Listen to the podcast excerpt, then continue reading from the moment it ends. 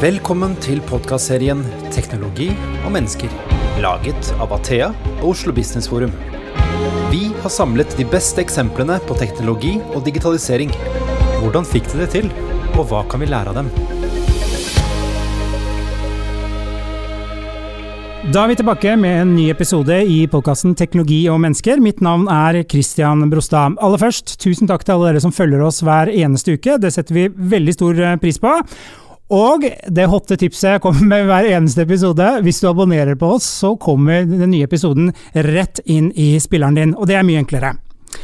Eh, kanskje du som lytter på podden eh, går og bærer på en liten gründerdrøm, men ikke helt vet hva du skal gjøre for å komme i gang. I dagens episode skal vi snakke med to selskaper som har fått det til.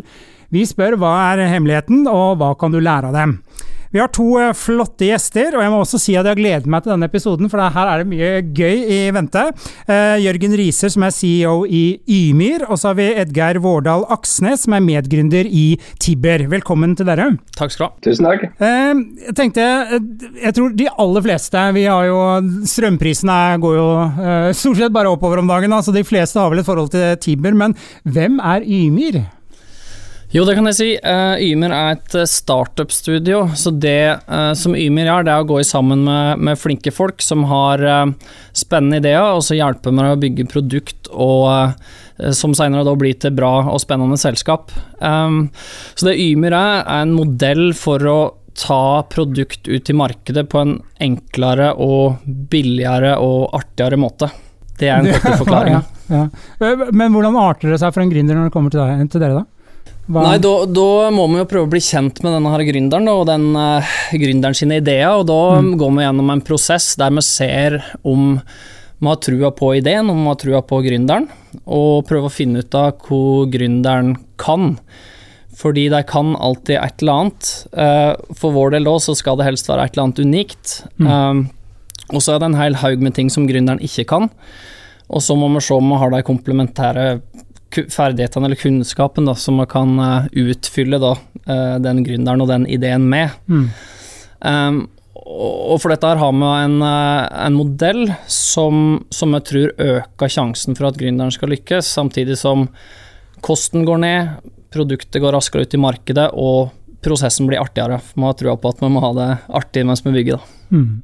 Eh, og det mest kjente selskapet, er det SnapMed? Eller? Ja, det er kanskje Vi har ikke holdt på så fryktelig lenge ennå, men vi hadde vår eh, første exit, eller vil si en av de selskapene som har aksjer, eh, ble solgt nå i januar. Og det var SnapMed, som er en online hudlegetjeneste som ble kjøpt av Dr. Drop-In. Så mm. det, var, det, var, den første valideringen av modellen vår. Mm. Og så har vi til sammen i dag nå er det vel 15 selskap i porteføljen vår, som håper jo på å få flere exita etter hvert. Um, samtidig som vi fyller på med nye spennende selskap i porteføljen. Mm. Uh, Edgeir, uh, du har vel hatt det artig i den reisen du har vært på med, med Tibber. Kan du ikke si litt om uh, liksom bakgrunnen? Hvorfor, hvorfor strømmarkedet, og hvorfor Tibber? Hvor havnet du der? Hatt det artig. Det var egentlig en fin innledning. for Vi startet egentlig selskapet nettopp for, for å ha det gøy. Mm. Så det, det, var på en måte en av grunnene. fordi både jeg og min, min medgründer Daniel jobber jo innenfor, uh, innenfor software, men software mot uh, energisektoren. Vi observerte oss selv som kunder, vi observerte på en måte hele sektoren. og Så fant vi ut at her er, det, her er det veldig mye som er feil. Det er veldig mye som Jeg som kunde jeg får ikke det produktet jeg ønsker meg. og Vi så på businessmodellen og profittmodellen og alt mulig sånt. Alt virker veldig ute og sykle eh, i form av eh, Strømbransjen hadde ikke hatt noe innovasjon, og det var samme profittmodell overalt. og Alle sammen holdt på med kampanjetilbud og lokkepriser. og alle holdt på så med Stort sett hele strømbransjen eh, som er på på den kommersielle kunderetta sida, det, det, eneste de holdt på med, var jo på en måte med telefonsalg og selgere og alt mulig den type ting. Det, det var ingen som holdt på med, med et, å lage et produkt som løste et problem, og lagde en god opplevelse for meg som kunde over tid. Uh, og det, det, var egentlig inngangen vår til det. Og så hadde vi jo jobba i eh, elleve uh, marked uh, over hele, hele, Europa, slik at vi så på en måte hvordan hele spillet var. hvordan At dette ikke kunne være et norsk eller svensk problem, det var et ganske, ganske, så internasjonalt problem. At, at vi som kunder ikke fikk noe annet eh, enn en bare en kjedelig, dyr eh, strømregning i, i posten, og, og, ingenting annet som gjorde at vi kunne ta kontroll og styring sjøl. Mm. Så det var, det var, egentlig bakgrunnen. Vi, vi så at vi, vi, var keen på et produkt eh, sjøl, og så så vi ingen andre som kunne, kunne lagre produktet. Så da fant vi ut at det, dette her er sannsynligvis en helt unik mulighet, og da starter vi. Mm. Og du har, jo, du har jo siste månedene, eller hele vinteren for så vidt, eh, strømmet til nye kunder. Det er jo to kunder her. Både Jørgen og jeg har blitt kunde hos deg.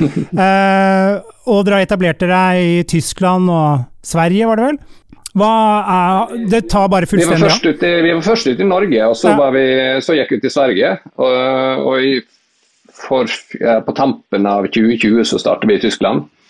Vi begynte å skalere der i fjor, og det aller nyeste markedet vårt er Nederland. Mm. Så vi, vi kom oss ut i fire marked, og forhåpentligvis så teller vi ti om ikke så altfor mange år.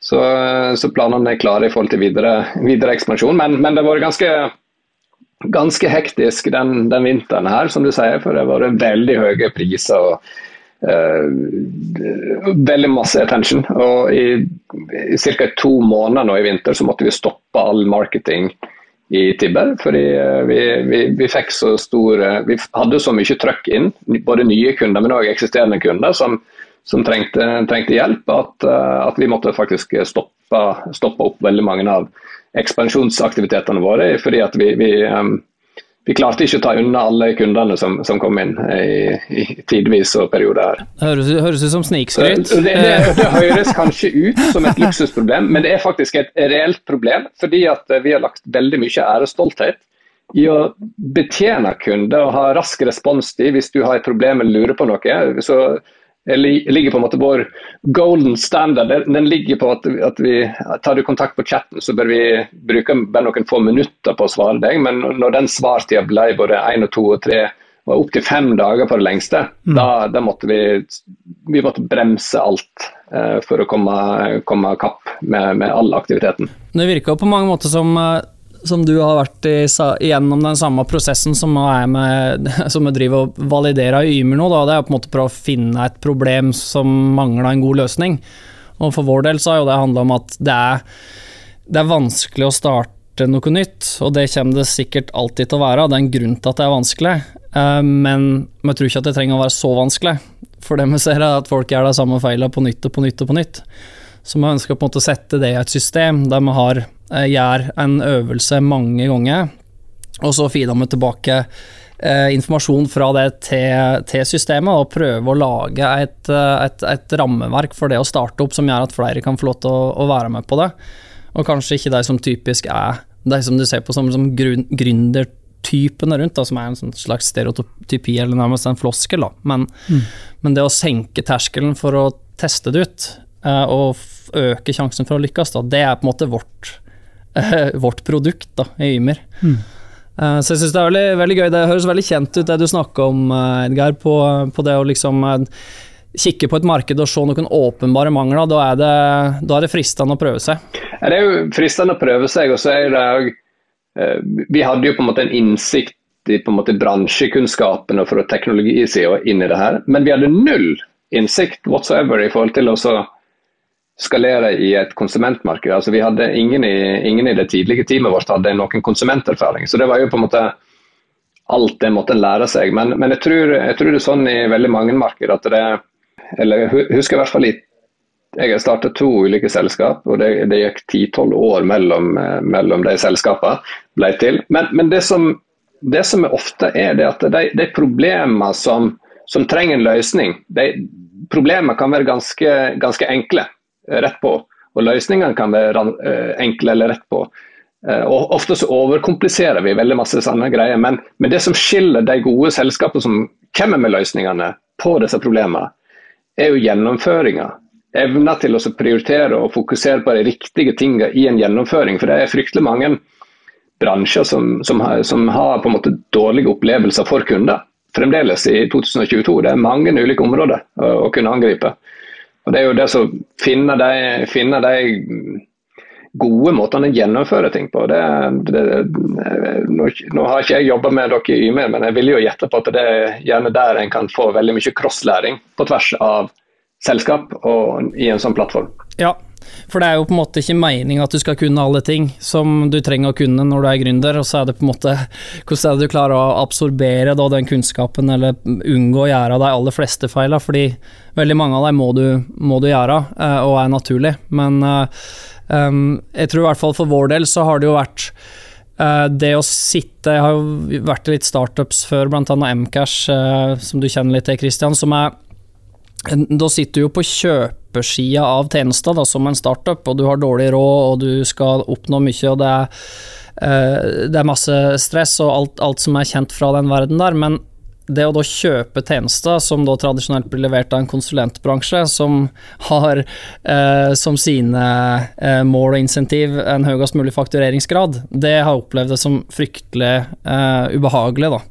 Og det er liksom Det er kanskje det som på en måte har Eh, danna liksom grunntanken i Ymer at det må finnes en bedre måte å få hjelp på enn å gå til et konsulenthus som skal ha 1500 kroner timen for å hjelpe noen som ikke har 1500 kroner på konto. Mm.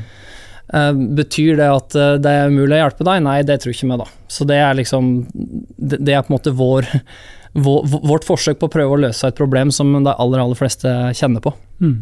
Hvor, hvor, flinke er de som eh, dere kommer i kontakt til, eh, med eh, på å definere hvilke problem de skal løse, eller er det liksom wishy-washy? Det er jo en del av eh, prosessen. altså Noen har kommet veldig langt på det, men det er en del av modellen og prosessen. Og det er det å komme kjappest mulig ut i markedet og validere om det er en god eller dårlig idé, mm. det tror jeg kanskje er det viktigste vi gjør. fordi det er altfor mange gründere i dag som sitter i um, årevis med presentasjoner og pitchdekker og, og, og, skrur og koder og driver på, og så veit jeg egentlig ikke om markedet vil ha det. Mm. Og Det er litt som du var inne på, Edgar. Det er, ikke, det er, det er veldig veldig mange selskap der du kan validere om problemet du prøver å løse er et reelt problem, på en mye enklere måte. Da. Så det, det tror jeg er ekstremt viktig. Mm. Men det var i varierende der, eh, der var jo vi, eh, vi var veldig harde med oss sjøl. Vi, vi, vi, var kanskje da vi starta, så vi var jo ikke disse typiske rett ut ifra universitetet-gründerne. Vi, vi, hadde jo vært i businesskarriere en stund. Men vi, vi, satte ganske harde mål på oss sjøl om at eh, vi skal ha et eller annet vi kan validere mot kunde. Vi skal ha en kunde etter maks 100 dager. Og det er jo, eh, Vi, vi klarer jo ikke å bygge hele Tibber-plattforma i løpet av 100 dager, men vi klarte å putte sammen akkurat akkurat nok til at vi klarte å få om bord en kunde der prosessene fungerte. og Det var et eller annet som, det, var, det, vel, det meste hang og slang. Men etter noen og 90 dager så hadde vi første kunden. og vi, vi, begynte å levere tjenester på det. og 20 dager etterpå så hadde vi kunde nummer to, og så gikk det litt kortere og kortere til, til neste og neste. Men, men, akkurat det der med å bare presse seg ut i det, selv om det er jo ingenting som er perfekt i en sånn type mockup, jeg er veldig tro på det. Selv om, eh, selv om, du får bare du får en validering av en del ting, men du, du har ikke laga ferdig produktet. Det, det, er jo det er jo så, klare å ta disse der pragmatiske valgene der, det, der, eh, der, Inni der ligger det veldig mye gull. Hva var det som var vanskeligst i starten for, eh, for det og, og, og Daniel? da? Um, oi, veldig godt spørsmål. Um, Altså, i, i, starten så, jo, så, oppleves det jo alt som vanskelig. for Du skal ha både, du skal ha et produkt, du skal ha folk, du skal ha kapital, du skal ha ulike typer strukturer. Du skal, ha, altså det, du, du skal bygge alt. Men både, begge to hadde gjort det noen ganger. Sånn jeg, jeg, følte ikke det at det, starten var så fryktelig vanskelig. Jeg følte det som kom etter starten, og vi hadde fått den tidlige valideringa, altså type etter ett eller to år da begynte det å bli vanskelig. Hvordan skal vi få fart på det her? Hvordan skal vi skalere det her? Hvordan, uh, for å sitere det som en, um, uh, en av Den som leder A-runden vår, han heter Zack. han jobber i Founders Fund, som er et av de legendariske investeringsfondene i, i verden. Han sa at you need to set up for success. Altså, en, en må sette opp selskapet, du må sette opp planen din som om at du har suksess allerede. Det, det, tror jeg tok et år før jeg skjønte hva han egentlig mente med det. Uh, men, men, men, det var egentlig det som var vanskelig. Å klare å se forbi alle de problemene man har i dag, men se for seg at man har suksess noen måneder ned i løypa. og Hvordan skal det igjen se ut, og hvordan skal det igjen bygge, bygge neste greie. det er noe som er veldig kontraintuitivt, og som, uh, som ingen av oss hadde erfaring med. Det, den var ganske tøff. Ja, kjenner meg til den. Og så, og så går, det, går det med horvelig mye tid på ting som egentlig ikke er en del av eh, vekstmåla dine, f.eks. Som du var jo inne på det, eh, bare det for de aller fleste å eh, sette opp et selskap, eh, drive første eh, runden med fundraising, altså alle de tinga som på en måte jobba Uh, som tar opp ekstremt mye tid, som er egentlig grunnleggende for å, at du kan drive med det du driver med, det henger kanskje ikke nødvendigvis sammen med det du har sett for deg skal være av det du driver med. Da. Som er uh, det å bygge ting eller drive med salg og markedsføring eller de mer liksom, tradisjonelle tinga. Så det prøver vi også å bygge inn i, inn i modellen vår. En, uh, det å klare å på riktig tidspunkt hjelpe også gründeren med å, å tenke på nå er det lurt å begynne å tenke på funding, nå er det lurt å, å lage et opsjonsprogram. altså Alle de tingene her som da kommer tilbake og biter i, i ræva hvis du har glemt det, det sparer deg for ekstremt mye tid. Da, sånn at Målsettingen må jo være å fokusere mest mulig på det som gir mest mulig vekst for selskapet, uh, og det er, det er, grusomt vanskelig. Uh, Edgar, jeg tenkte uh, entreprenørskap eller gründerlivet er liksom ikke noe for alle. hvorfor er det for deg, tydeligvis? Det ser ut som det er for deg, da, siden det går så bra. Har du et sånn uh, gen som du har uh, vekket til live? Jeg, uh, jeg, har ikke studert om det er for alle eller ikke. Det, jeg, tror ikke det, jeg tror ikke det er noe sånn jeg tror ikke noe sånn veldig ekstraordinært. Det er jo, det er massevis av gründere i, i, land og strand som, som kanskje ikke blir, blir heiet fram som gründere i, sånn som en gjør nå i disse dager. Mens alle, alle de som starter sin egen enkeltmannsvirksomhet, alle de som starter sin, sin egen business, alle disse er jo gründere. Og noen, noen, velger å skalere fort, og noen velger å ønske å ha mer en sånn stabil, stabil type eh, virksomhet. Eh, og i, i, det siste så har man jo hypa veldig mye den typen selskap, sånn som, sånn som eh, Tibber representerer og en, en, god del andre. Men det er jo mange mange, mange flere gründere enn en oss som, som, starter denne typen selskap. Så, så, jeg vil bare få frem det poenget at det er jo kjempemasse næringsvirksomhet som ligger på en måte i, i de selskapene som dessverre ikke får like mye oppmerksomhet. Men det er jo veldig mye verdiskapende i de òg. Men, men, for min egen del så er det nok kanskje mest behov av å se det som kunne drive fram, bygge noe, noe som, noe som kanskje skjærer litt gjennom de mer klassiske måtene å se ting på. Det, det, er nok veldig mye en del av drivkrafta i, i, både, i både meg sjøl og i, i teamet rundt, rundt, og de vi har tiltrukket oss i, i tidlig fase. Det, det er rett og at du ikke blir eh, plassert i en bås, ikke blir fanga.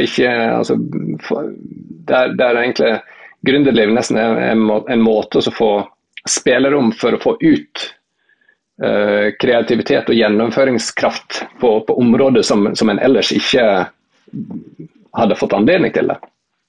Så det er kanskje en det høres kanskje litt abstrakt og nesten filosofisk ut, men, men det, faktisk, eh, det ligger faktisk veldig mye i det.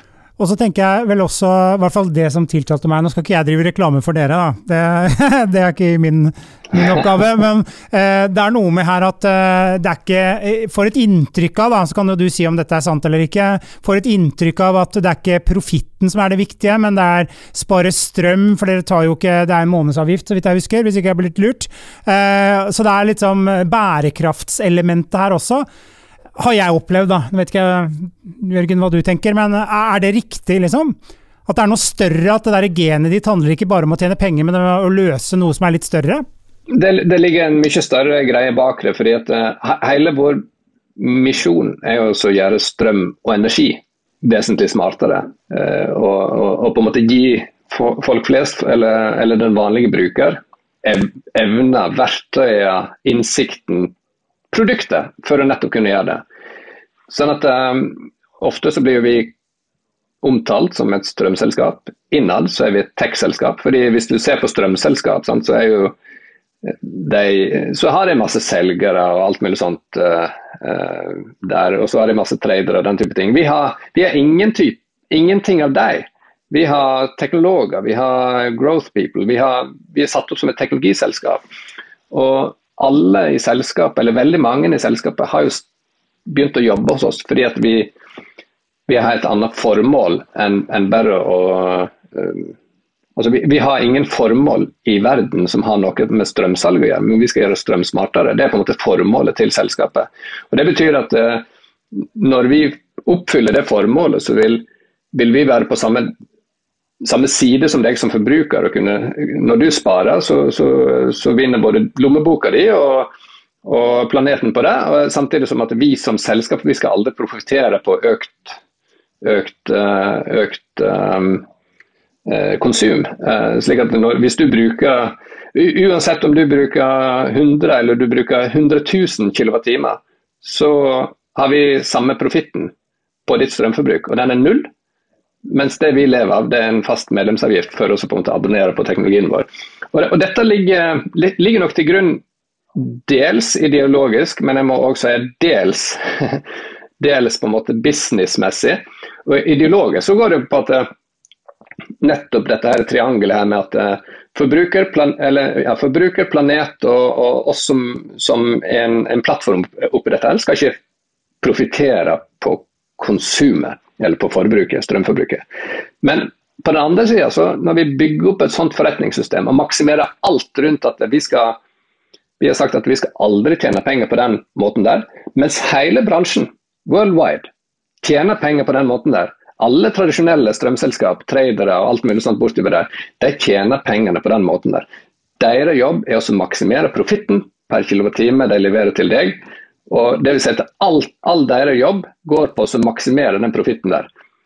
Det holder ikke vi på med i det hele tatt. Har, det betyr at vi får insentiv til å gjøre helt andre ting.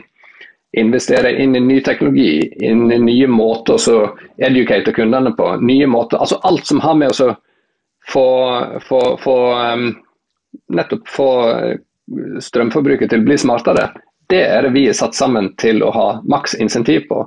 Og så er sånn at uh, i hvert fall det som jeg har lært i, i, i, løpet av eh, karrieren så langt, er at det å kopiere eh, noe visuelt eller en app eller, eller for så vidt en eh, andre type ting, enkeltting, det er ganske enkelt. Men det å kopiere en forretningsmodell og alle de strategiske tingene man gjør rundt en forretningsmodell, det er hakket vanskeligere. Eller det, det er faktisk veldig, veldig vanskelig. Så Det, jo, det å selge billige møbler det, det, kan jo veldig mange gjøre, men det er ingen som har klart å kopiere Ikea. Og Det, det har, har, med hvordan du setter sammen alt sammen rundt det hele for å nettopp maksimere den businessmodellen du vil ha. Og når vi sa da at vi skal ha null profitt på kilowattimer, så satte det to strek under svaret på hvordan vi kan differensiere oss på lang, lang, lang sikt. Det var veldig langt svar. Jeg vet ja, ikke om jeg ja, klarte å fortelle svar. det ordentlig. ja. Da har jeg i hvert fall ikke misforstått uh, kommunikasjonen deres. Da.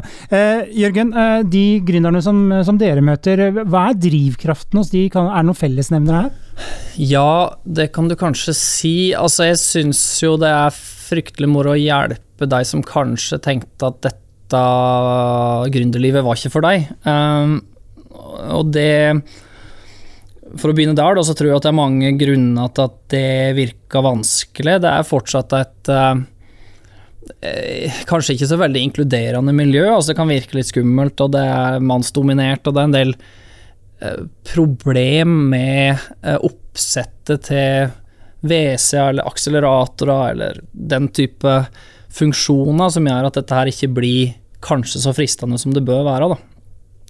Og Der tror jeg nok man har lykkes med å få eh, dialog med noen eh, gründere som har domenekunnskap som nødvendigvis ikke handler om koding eller design eller vekst, men som handler om innsikt i en bransje som er helt unik.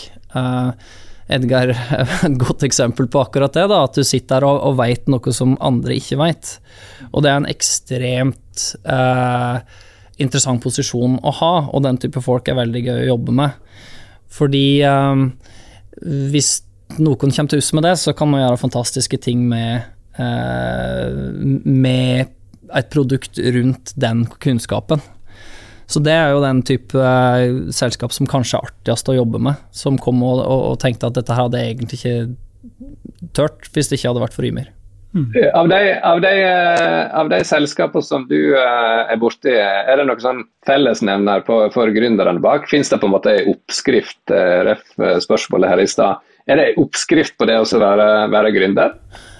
Uh, nei, uh, det er det nok ikke, men de fleste her sitter jo med, uh, med en ambisjon, eller de har sett en mangel i markedet, de har sett en mulighet, og så vet de kanskje ikke helt hvordan de skal utnytte den, men de kan veldig mye om markedet. Og, og, har en driv, kan selge. Altså Man er jo veldig avhengig av å Man klarer ikke å løfte disse her startupsa sjøl, som er avhengig av at de er ganske kommersielle i huet. og og har et stort nettverk og er litt sånn tøffe, så det er kanskje en fellesnevner. Men, eh, men, det at de har domenekunnskap og en, eh, og en kommersiell eh, tilnærming, ikke er redde for å, å, å, selge produktet sitt, det er nok kanskje det viktigste. Så, så skal jeg være forsiktig for å, å tråkke folk på, på tæra, for det, det, går an å si at hvis noen har det og har en god idé, så er det ikke så vanskelig å drive med design eller UX eller tech, da eller vekst. Men det er i hvert fall et veldig godt, en veldig god start. Mm, mm, ja. Eh, det er et eller annet eh, begrep som dukker opp når man snakker om eh, liksom det å, nyskaping, det å komme i gang, nye ideer osv. Det er jo fail fast. Altså læringen knytta til det. da. Og så kom jeg over en kommentar i DN i går hvor det står at Eh, skal vi få mange altså gründere, eh, så må det bli kult å feile også. Og så vet vi også at eh, mediene er veldig glad i mislykka prosjekter. Det er jo det som Folk elsker å lese hvor ræva det går med, med, folk. Har dere en opplevelse av at dette med fail fast er noe reelt, eller er det bare noe vi går og ser på noen slider når vi er på en konferanse? Eller er det, er det også, Nå tenker jeg liksom litt større da, perspektiv i Norge. Er, er, det noe som heter fail fast, og så lærer vi å gå videre, eller er det uthenging omtrent? Det er, det er, i hvert fall et veldig godt poeng å, å løfte opp. Én ting er på en måte fail fast, men det, andre er òg å risikere ting. Altså, feile, eh, resultatet av at du feiler, er at du har risikert noe.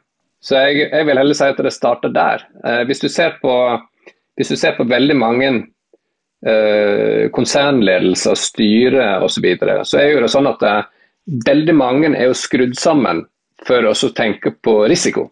Og Det man ser på risiko, er i forhold til nedsidig risiko. Så da driver man beskytter seg mot den typen risiko, nettopp å feile på den måten. Men det er fryktelig få selskap som er satt sammen på den måten at de, der du fokuserer på ikke Altså der du fokuserer på risikoen med, med, i forhold til oppsida. Altså at du ikke får ta del av oppsida.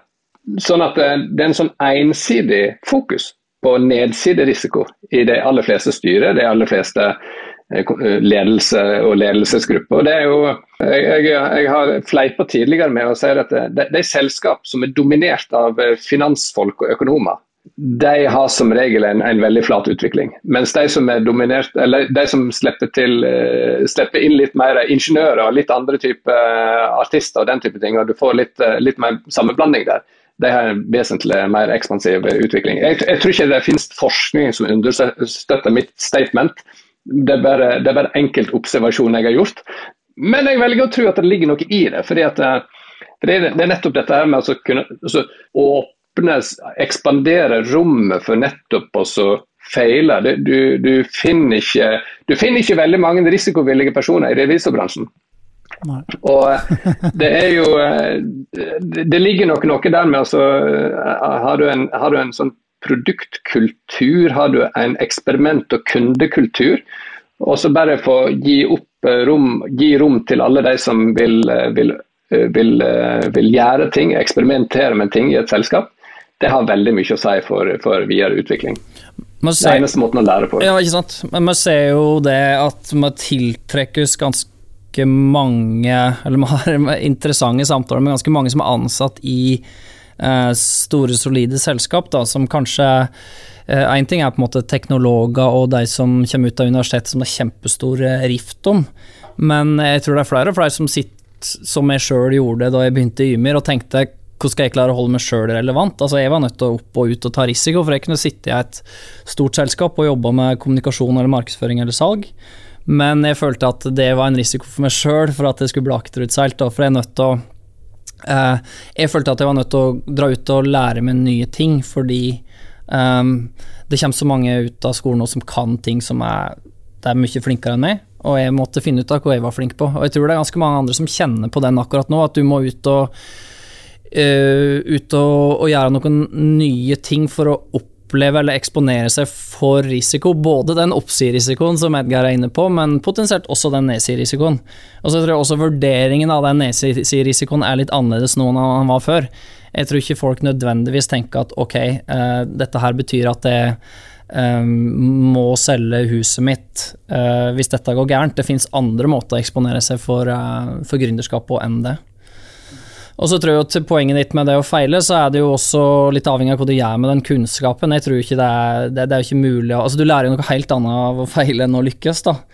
Og jeg tenker at uh, det er helt essensielt at du er med på ting som går gærent. Hvis ikke du er med på det, så har du sannsynligvis ikke tatt nok risiko. Er det noen av dere som har eh, gått på en skikkelig smell? Altså, nå tenker jeg i, i businessen, da, ikke privat. Det har jo vært uh, har jo vært eh, perioder der det har vært eh, lite penger, og eh, det har vært eh, søvnløse netter, og mm. um, virkelig liksom lurt på om dette her er, er det. Mm. Definitivt. Men jeg vet ikke om det er en smell jeg, i den forstand. Jeg, jeg, jeg satt jo også en, en, periode så satt jeg også ble veldig interessert i aksjer. Dette var før det var en sånn mellomfase eh, mellom der jeg eh, Mellom Tibber og så et selskap for ti år siden. Eller ti år før det. Um, og Da satt jeg og drev på med daytrading.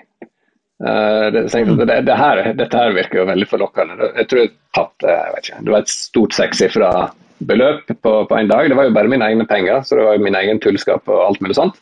Men den dagen det skjedde, så fant jeg ut at det, det var, da hadde jeg gjort det i noen måneder. Da fant jeg ut at dette er ikke, dette er ikke vits at jeg holder på med. Jeg kan jo ikke de greiene her. Jeg, må jo heller satse på ting som, og investere pengene inn i ting som jeg kan noe om, og virkelig kunne det.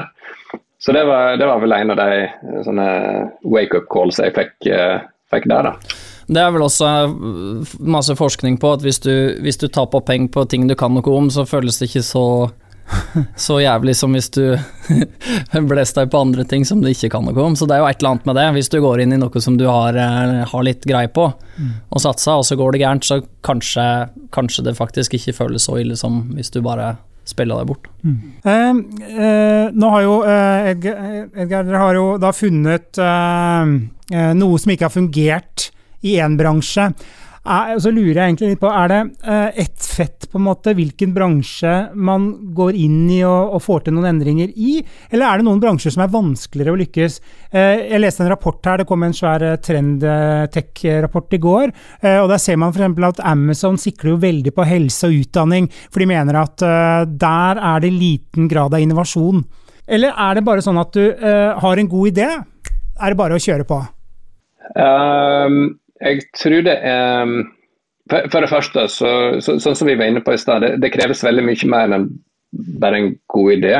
Uh, bare en li, lite sidespor til den kommentaren. Jeg, jeg har blitt kontakta av veldig mange, mange som har gode ideer. Og så kommer de til meg og så vil jeg selge den, eller ha funding til denne, eller ha investor til denne. Så sier jeg at dette er så god idé, men det er så mye verdt. Og Det er jo svaret tilbake til den, den. Den ideen er jo ikke verdt noe som helst uten en veldig flink person, en veldig dedikert person som faktisk gjennomfører det. Mm. Så hvis, du, hvis du tenkt å selge ideen til meg, og, men du er ikke med sjøl, så er ikke det noe verdt. Uh, så det er jo bare en liten sånn sidestep av det. Bare ref det med gjennomføring. Det er alfa og omega. Uh, men, men uh, rundt, rundt, bransje, så jeg tror det er veldig mange bransjer der det, mye, der det er mye å gjøre. Men det som er felles for om det er en god idé eller ikke, det er jo om klarer du å bringe noe nytt til, til, til uh, noe nytt til kunden.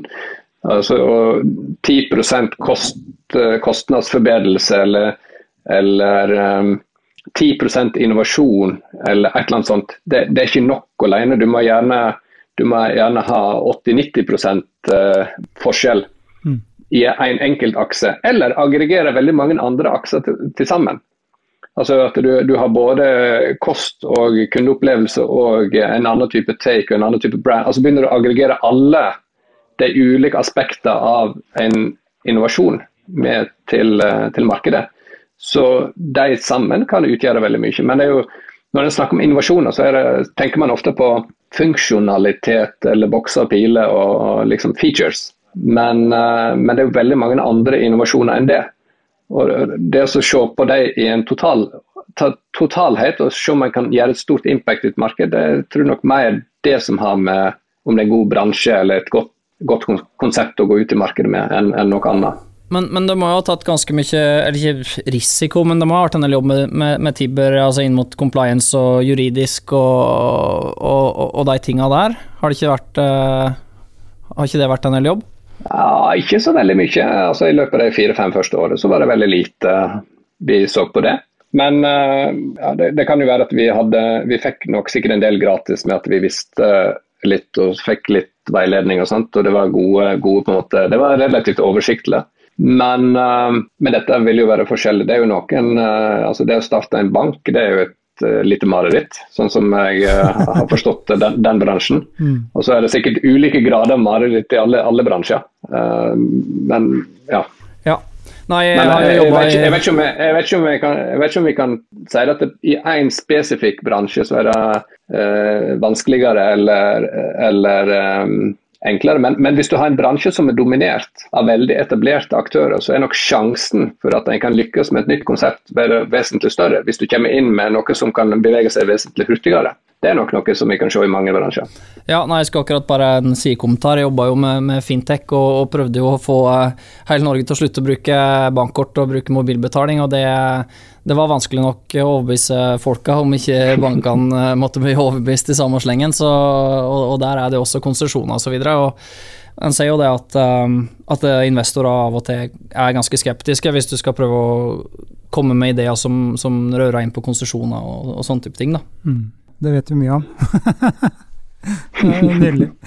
Uh, vi må gå uh, litt på Hvis man går til akademia, da, så, uh, så har jo de selvfølgelig laget modeller for liksom, faser i det å starte selskap osv. Uh, hvis dere skal si noe om, om når i dette gründerlivet, den fasen for å etablere ha en idé til du får komme til markedet og skape vekst, hvor er, de, hvor er det folk stort sett feiler? Eller hvor er det man skal være ekstra obs? Ja, jeg kan jo begynne. Man, man jobber jo med selskap som er sånn fra, fra en Post-It-lapp som er sånn seks måneder før lansering. Her har jeg en god idé. Til lansering, og, og så er vi med deg Nå har vi jo ikke eksistert så lenge, da, men sånn kanskje to år. Da er, hvis selskapet går bra etter to år, så er det ikke behov for å jobbe med Ymi lenger. Da har vi gjort jobben vår, på en måte. Mm. Så, så, det vi ser, det er kanskje særlig to ting, men eh, det ene er jo å skalere ned, altså finne det riktige å lansere, og sørge for at det ikke blir for stort. Uh, treffe markedet med den riktige delen av ideen din, for det er som regel ikke hele ideen din, for den er altfor stor. Så det er den ene greia. Uh, og den andre er vel kanskje det å, å klare å skape nok vekst tidlig nok til at både finans, holdt jeg på å si, både, både pengefolk tror på ideen din, men også at produktet ditt får den validering og feedbacken den trenger da, for, å, for å forbedre produktet. Mm. Så jeg tror kanskje jeg vil si de to tinga. Finne det riktig å satse på, og, og tidlig fase vekst. Det er kanskje det man ser på mm. mest. Hva med deg, Geir? Hva tenker du? Jeg, ehm, jeg, jeg tror det var et, jeg syns det var et veldig godt svar. Jeg, jeg, ehm, kanskje bare, bare understreker dette her, behovet for å sette ja, du, du, kalte det, Jørgen, å, å, forenkle produktet og gå til markedet med det og få det til å skalere. Altså, rett og slett fokus på faktisk, faktisk tørre, å, tørre, å velge vekk masse greier for å gå for den ene biten. Eh, jeg husker vi hadde veldig store diskusjoner rundt det i tidlige dager om skal, skal Tibber gå konsument, eller skal vi òg dekke nærings, uh, næringskunder og den type ting. Og det var, det var, som det var en diskusjon som rulla i to, to og et halvt år før vi endelig klarte å bare parkere den. Uh, men, men uh, og vi valgte jo rent forbrukerspor, bare konsumenter, og, gå med det. Og når vi tok den beslutningen, så føltes det deilig. For da visste vi at nå kan vi bare fokusere, nå kan vi bare gjøre det ene. Så, så det, det, er noe, en, det å velge vekk ting, det er ekstremt frigjørende òg. Det høres veldig det høres jo nesten ut som at man sier nei til en mulighet, og til en viss grad så gjør man det. Men samtidig, det å si nei til noe betyr at en sier dobbelt ja til noe annet. Mm. Og det, det, er veldig fort gjort å glemme når en sitter midt oppi de vanskelige valgene. Definitivt, og det finnes jo 100 historier om uh, kjente selskap i dag som uh, begynte som noe helt annet. Jeg tror jo hvis du forenkla også, så veit du hvorfor ting funka, men du veit også, altså tilbake til det å feile, du veit også hvorfor det da kanskje ikke funka, ikke sant. Så det å endre strategi, eh, hvis du har et enkelt nok produkt, det er ikke nødvendigvis et problem. Det er mye vanskeligere hvis du har lansert et kjempestort produkt, for da vet du ikke hvorfor det ikke funka. Mm. Ja. En, en, annen ting her også. Uh, jeg ser intervjuer uh, som du har gjort, uh, Geir. Så, så, fremhever du Var det Spotify og Airbnb osv.?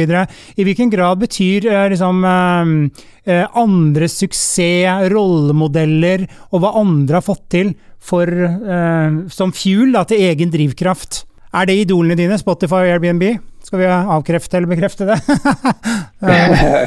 I, i, altså de, I, de sammenhengene de, de selskapene ble nevnt, så ja. så vi nok mer på hvordan ulike bransjer har blitt dominert av digitale verktøy, digitale plattformer, som kommer inn og gjør noe helt nytt. Mm. Og det var, det var, i den forbindelse vi, vi har brukt veldig mye de som eksempel i forhold til Spotify er jo musikk, det er jo det samme som CD og LP back in the days. Og, eller for så vidt nedlasting av musikk, men de gikk på streaming og lagde en musikkopplevelse. Men musikken er jo den samme.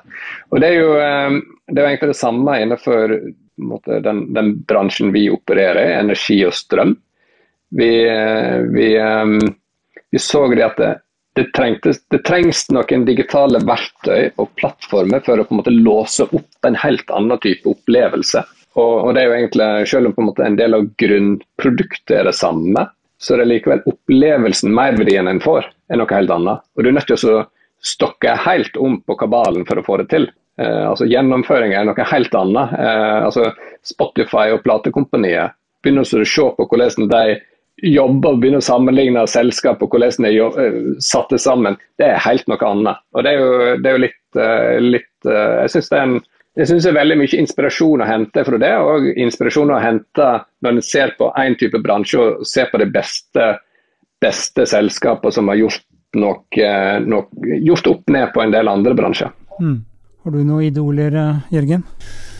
Altså, det er litt eh, Ja, altså, jeg syns det er veldig moro å lage mat, da, jeg bruker jo uh, Bruker altfor mye penger på det når jeg har, uh, har fri. Og, og, da ser jeg jo på alle kokkeprogram og driver på med dette der, og jeg syns jo da måte dynamikken i et kjøkken Jeg har blitt veldig opphengt i han Halvard Ellingsen oppe på Kvitnes gård oppe på, i Vesterålen som er en fantastisk uh, kul fyr, og har eh, starta en uh, bedrift på heimplassen sin. Litt sånn ref, jeg tror det du var litt inne på i starten, Edgar. Altså gründer i, i, i ordets rette forstand, da. Og har uh, har klart å da eh, ansette folk fra alle mulige deler av verden og fra forskjellige faser i livet, og har satt sammen en, eh, et bærekraftig samlebånd av helt fantastiske ting som kommer ut på andre sida der, og som er i kontinuerlig forandring. Mm. Og som har et skyhøyt nivå, da, langt eh, oppi der. og det er for meg så blir jeg ekstremt, eh, ekstremt eh, fascinert av sånne folk da, som får til det, som har den kraften i seg, for du bare merker at han er på rett plass. da. Mm. Så det, sånne ting syns jeg er veldig gøy. Jeg blir sulten, jeg. eh, vi nærmer oss slutten her, men eh, vi kan jo ikke snakke om eh, gründere uten eh, å komme inn på penger. Uh, og hvor vanskelig er det? Har du, har du, en god idé og er en bra gründer, liksom? Altså, kan det hende at det er enklere, men Edgar, uh, dette med å liksom få kapital, og så er det jo kompetent kapital, og dere er jo i en uh, enorm vekstfase, liksom. Skipsted leste jeg, har kommet inn på eiersiden osv. Uh, hvor enkelt er det å få kapital, altså få penger til å få realisert dette? Jeg vil vel si at det, det er vesentlig enklere i dag mm. enn det var for 10 år siden, 20 år siden. Uh, garantert. Altså, det er jo enormt mye kapital tilgjengelig. Uh, og så er det sånn at det i, i helt i tidlig fase så det som, uh, det som, vi så at de beste investorene gjorde, det var jo på en måte å være veldig fokusert på hva er dette teamet, og, og hva, hva, er på en måte markedsnisjen de er inne i. Eh, men produktet, businessmodellen, alt mulig sånt, det, det, for, det, betyr fryktelig lite i den fasen uh, man er i de første månedene og kanskje første år eller to. Mm. Sånn at eh, Har man satt sammen et godt team og kan å selge det, så er det ganske enkelt å få tak i kapital.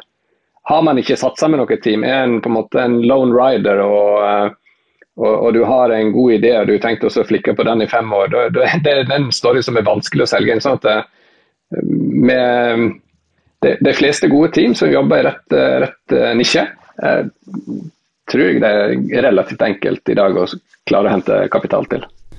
Ja, jeg tror det er rett. Eh, jeg tror ikke det er noe enkelt, men at det blir enklere, det tror jeg. Det ser sånn ut. Man har noen eksempel på det. der når eh, du, som du sier, Edgar, når du har de rette folka og, og den rette nisja, så, så, vil jeg være med. Og det kommer stadig flere seed- eller pre-seed-fond og tidligfasekroner til markedet. Det som kanskje tradisjonelt har vært eh, problemet, er jo at du har de folka som har de gode ideene, de sitter borti ett hjørne, og så har du de som har penger, som sitter borti andre hjørne, og de, de møtes ikke så veldig ofte, da. Og det er litt sånn Det har jeg lyst til å bidra til med Ymir, og få de to til å snakke sammen. fordi da tror jeg også investeringsviljen eh, øker, og vi får flere selskap ut i markedet. Nå er nok det med å hente kapital veldig, en sånn veldig, veldig subjektiv opplevelse, da. Men, men vi skal jo eh, det skal jo ikke være for enkelt å hente kapital heller. fordi det er, jo, det er jo bare én del av jobben. Jeg husker, husker meg selv som gründer tilbake i jeg tror det var i studietid. Jeg drev på med et, eh, et, prosjekt rundt det var software. Og um, Jeg skulle selge dette inn til første kunden, og det, alt sammen tryner jo fullstendig. og Hadde jeg tatt det videre til investor, så hadde nok det òg trynet fullstendig. Fordi at Det var ikke liv laga for den setupen, for konseptet, for markedet, for, for, noe som helst rundt det. Det var ikke liv laga for det. Jeg hadde ikke fortjent å fått kapital til det prosjektet. Sånn at um, det er jo eh, det er ikke alt som det, det, er jo en del ideer som kanskje har feil team eller er feil timing, og så har du noen gode team som kanskje har og, altså, satser på feil timing og slike ting. Eh, men, men um, disse tingene skal jo stemme, og det er som det er alle, det er ikke alle prosjekt som skal ha funding. Og det er jo så enkelt er det. det er litt, litt, litt, litt, konkurranse må jo det være, for du skal jo ut og kjempe et marked òg. Klarer ikke du å få tak i funding, så klarer ikke du å vinne markedet heller. Nei, men jeg tror det går an å fasilitere dette her på en måte som gjør at det er riktig ideen for funding, da. For det er ikke sikkert at det er tilfellet. Ja. Jeg, jeg, jeg, føler, ehm, jeg, får sånne assosiasjoner. Ser dere på det TV-showet Dragons Den? Jeg veit ikke hva Eller det er, for noe. Dere har for mye å gjøre, dere. Men der er det jo eh, Der, sitter, da pitcher man jo ideer, og så sitter en eh, haug med jeg vet ikke om de er milliardærer eller hva det er for noe, men de har i hvert fall en del penger og investerer. da. Og det liksom Fellesnevneren for alt det de sier når det kommer til, eh, til funding, det er at uh, folk er investable. Altså det er investerbare folk, da. Kanskje mer enn ideen. Er det det dere egentlig sier? Er dere enige med Dragons Den på det? Ja, jeg er nok uh til en viss grad enig i det, fordi du er nødt ut, som Edgar sier, du er nødt ut til å klare dette her sjøl i ganske stor mm. grad. da. Eh, så det var litt det jeg var inne på i starten òg, at hvis man jobber sammen med gründere, så betyr ikke det at man kan gjøre all den jobben her for deg. Eh, du må være inne i dette her 100% og du må virkelig gå på og tro på det. Og så er det en del ting som er fryktelig vanskelig, som ikke trenger å være så vanskelig, da, som jeg nevnte litt i starten. Mm. Men jeg tror definitivt det er noe i det. At du må, du må ha den trua på ideen din og den drivkraften. Eh, det betyr ikke at du trenger å kunne masse om eh, teknologi eller ha gjort masse spennende ting før. Det betyr mm. egentlig bare at du må, du må tro på det du, du, driver med. Jeg er helt enig. Det investable uh, team, uh, det syns jeg var et veldig godt uttrykk. Fordi at i, i starten, i sånne, i sånne gründerprosjekt, så er jo hvis, hvis du har et, en nøkkelteam på en nøkkelteam på en to, tre, fire personer, så mister du én eller to av dem, så, så, er ikke det verdt noe. Det er jo de som skal gjøre jobben. Og det er jo ja, det, det er egentlig det helt essensielle, i hvert fall i starten.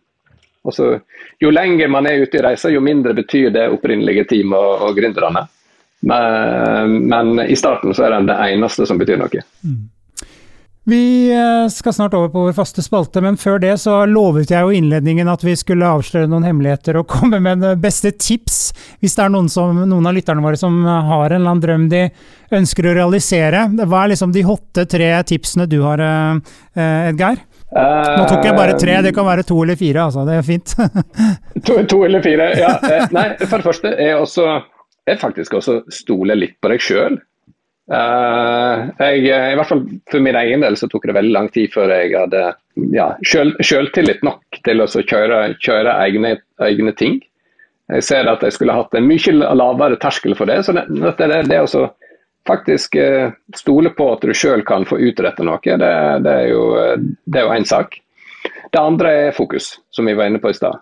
Tørre å si nei. Hvis du sier nei til én ting, så sier du dobbelt ja til noe annet. Og det som husker det, og, og gjennomføre det, det er fryktelig vanskelig når du sitter midt i masse, masse fristelser osv. Men å faktisk gjennomføre, det betyr gull. Jeg tror, jeg, jeg tror, Apropos det som holder fokus, jeg tror jeg skal slutte med to. Jeg, da. det er veldig bra. ja, det er veldig bra. Nei, for meg er det jo lett å svare på det. Det er jo bare å kontakte Ymir, så går det i orden. Nei da. uh, nei, jeg tror jo jeg, jeg, likte jo veldig godt det du sa om å ha trua på, på det du driver med. Jeg tror jo uh, i tillegg så, um, så må du jo på en måte Eh, prøve å bli litt kjent med deg sjøl. Jeg hadde også en lang runde med deg og var, var egentlig fryktelig voksen før jeg føler nå at jeg har funnet min, min, plass, men jeg tror også det å gå i seg sjøl og tenke er dette her noe jeg har syns er ordentlig moro. Man har jo gøy som en av kjerneverdiene i Ymir, og jeg tror ofte det blir litt glemt i Uh, i arbeidslivet og ikke minst i denne gründerverdenen, som kan være veldig kaotisk og veldig mange ting på likt. Men hvis du klarer å ha det moro, så, så tror jeg det meste andre løser seg uh, under, underveis. Mm. hvis det slutter å være moro, så finn på noe annet. Mm. Nydelig. Da skal vi over til vår faste spalte. Digitale vaner. Bli kjent med gjestene ved å snoke deres digitale liv. Hva gjør de egentlig på nettet? Hvilke favorittapper har de? Er det streaming eller linær-TV som gjelder? TikTok eller Snapchat? Vi spør i Teknologi og mennesker. Nå skal vi snoke litt i deres private digitale eh, liv. og Greia nå er at dere får eh, to alternativer, og så skal dere velge et av de alternativene. Og så er det ikke lov, og det er strengt forbudt. Ikke by law, liksom, men uh, da reagerer jeg. Uh, det er ikke lov å finne på et tredje alternativ, da. Er det forstått? Nydelig. Nå merker, jeg, nå, nå, merker jeg, nå merker jeg nervene kom som i første pitchekonkurranse jeg var på. Nei da, dette er veldig ufarlig. Det er ganske snilt, faktisk. Kanskje litt for snilt. Vi får se om vi endrer det. Men jeg begynner med deg, da, Geir. Eh, nettbutikk eller fysisk butikk? Nettbutikk. Helt klart. Helt klart. Fysisk. Fysisk? Ja. ja. Skal jeg utbrodere? utbrodere? Nei, jeg vet ikke. Jeg syns det Jeg bor ikke i Førde, da, så jeg har mange butikker utenfor døra. Ja. ja. Du elsker å vandre rundt i butikker? Ja. Det er bra. Uh, neste. Uh, Edgar, seriefråtsing eller én episode i uka? Å, uh, serie. Fråtsing. Jeg tar gjerne to, tre, fire episoder på, på en kveld. Ja. Har du noen favorittserier nå? Uh, nå har vi akkurat gått tom. Uh, for, så vi, vi, driver og leter etter Jeg og fruen driver og leter etter neste serie. Ja. Så, uh, så nå, nå, er vi faktisk jeg på, jeg på jakt etter tips. Så absolutt. Men vi, vi, er akkurat ferdig med Vi har akkurat gjort ferdig denne her um, Boba Fett på, på Disney pluss. Ja. Riktig. Da, da, kan jeg komme med Jeg svarer det samme som det, forresten. Uh, men Drive to Survive, uh, når du klarer å lage da Jeg er ikke spesielt opptatt av Formel 1, men når jeg og dama blir sittende og binche Formel 1, da er det et eller annet med produktet ditt som uh, sitter som ei kule. Altså. Så den, den, kan jeg anbefale, Edgar, hvis du ikke har sett den. Jeg har jo også et tips, faktisk. Dopesick. Ja, den har jeg begynt på. Ja, ja, Den er helt sjuk. Sjukt bra. Så da har du to nye serier, Edgar. Ja, da, da, da, må jeg sjekke opp da det. Da var det verdt turen i denne poden. eh, tredje siste her. Eh, emoji eller tekst? Oi. Uh, oi, oi, oi. Jeg, jeg er jo like, like skulle du si, ille på begge deler. E, e, emoji, tror jeg. Ja. Hvis, jeg bare skal, ja, jeg får, hvis jeg bare får lov å svare én ting, så er det emoji. Ja. Nei, der må jeg, altså jeg er utdannet journalist, så jeg må jo svare tekst. Ja. Ja. Bra. Nest siste, Instagram eller TikTok? Oh, Instagram. Jeg, over, jeg, har ikke installert TikTok engang. samme her. Menn uten hår som snakker sammen. Ja, samme her. Nydelig. Så har vi siste. Eh, her er, tror jeg vet hva du svarer, eh, Edgar. Eh, smarthjem eller bare hjem? Alle hjem er smarte. Men ok, smart hjem, da. Smart hjem, ja. Jeg driver og pusser opp kjøkkenet mitt nå, det går ikke så bra, så jeg er litt sånn Jeg vet ikke om jeg vil svare på det, men det får ta smart hjem, da. Ja. ok. Nydelig. Tusen takk for at dere kunne være med, og tusen takk til deg som har lyttet på. Du har nå lyttet til Teknologi og mennesker, laget av Athea og Oslo Business Forum. Liker du podkasten, setter vi stor pris på om det gir oss noen stjerner. Og tips gjerne en venn om podkasten.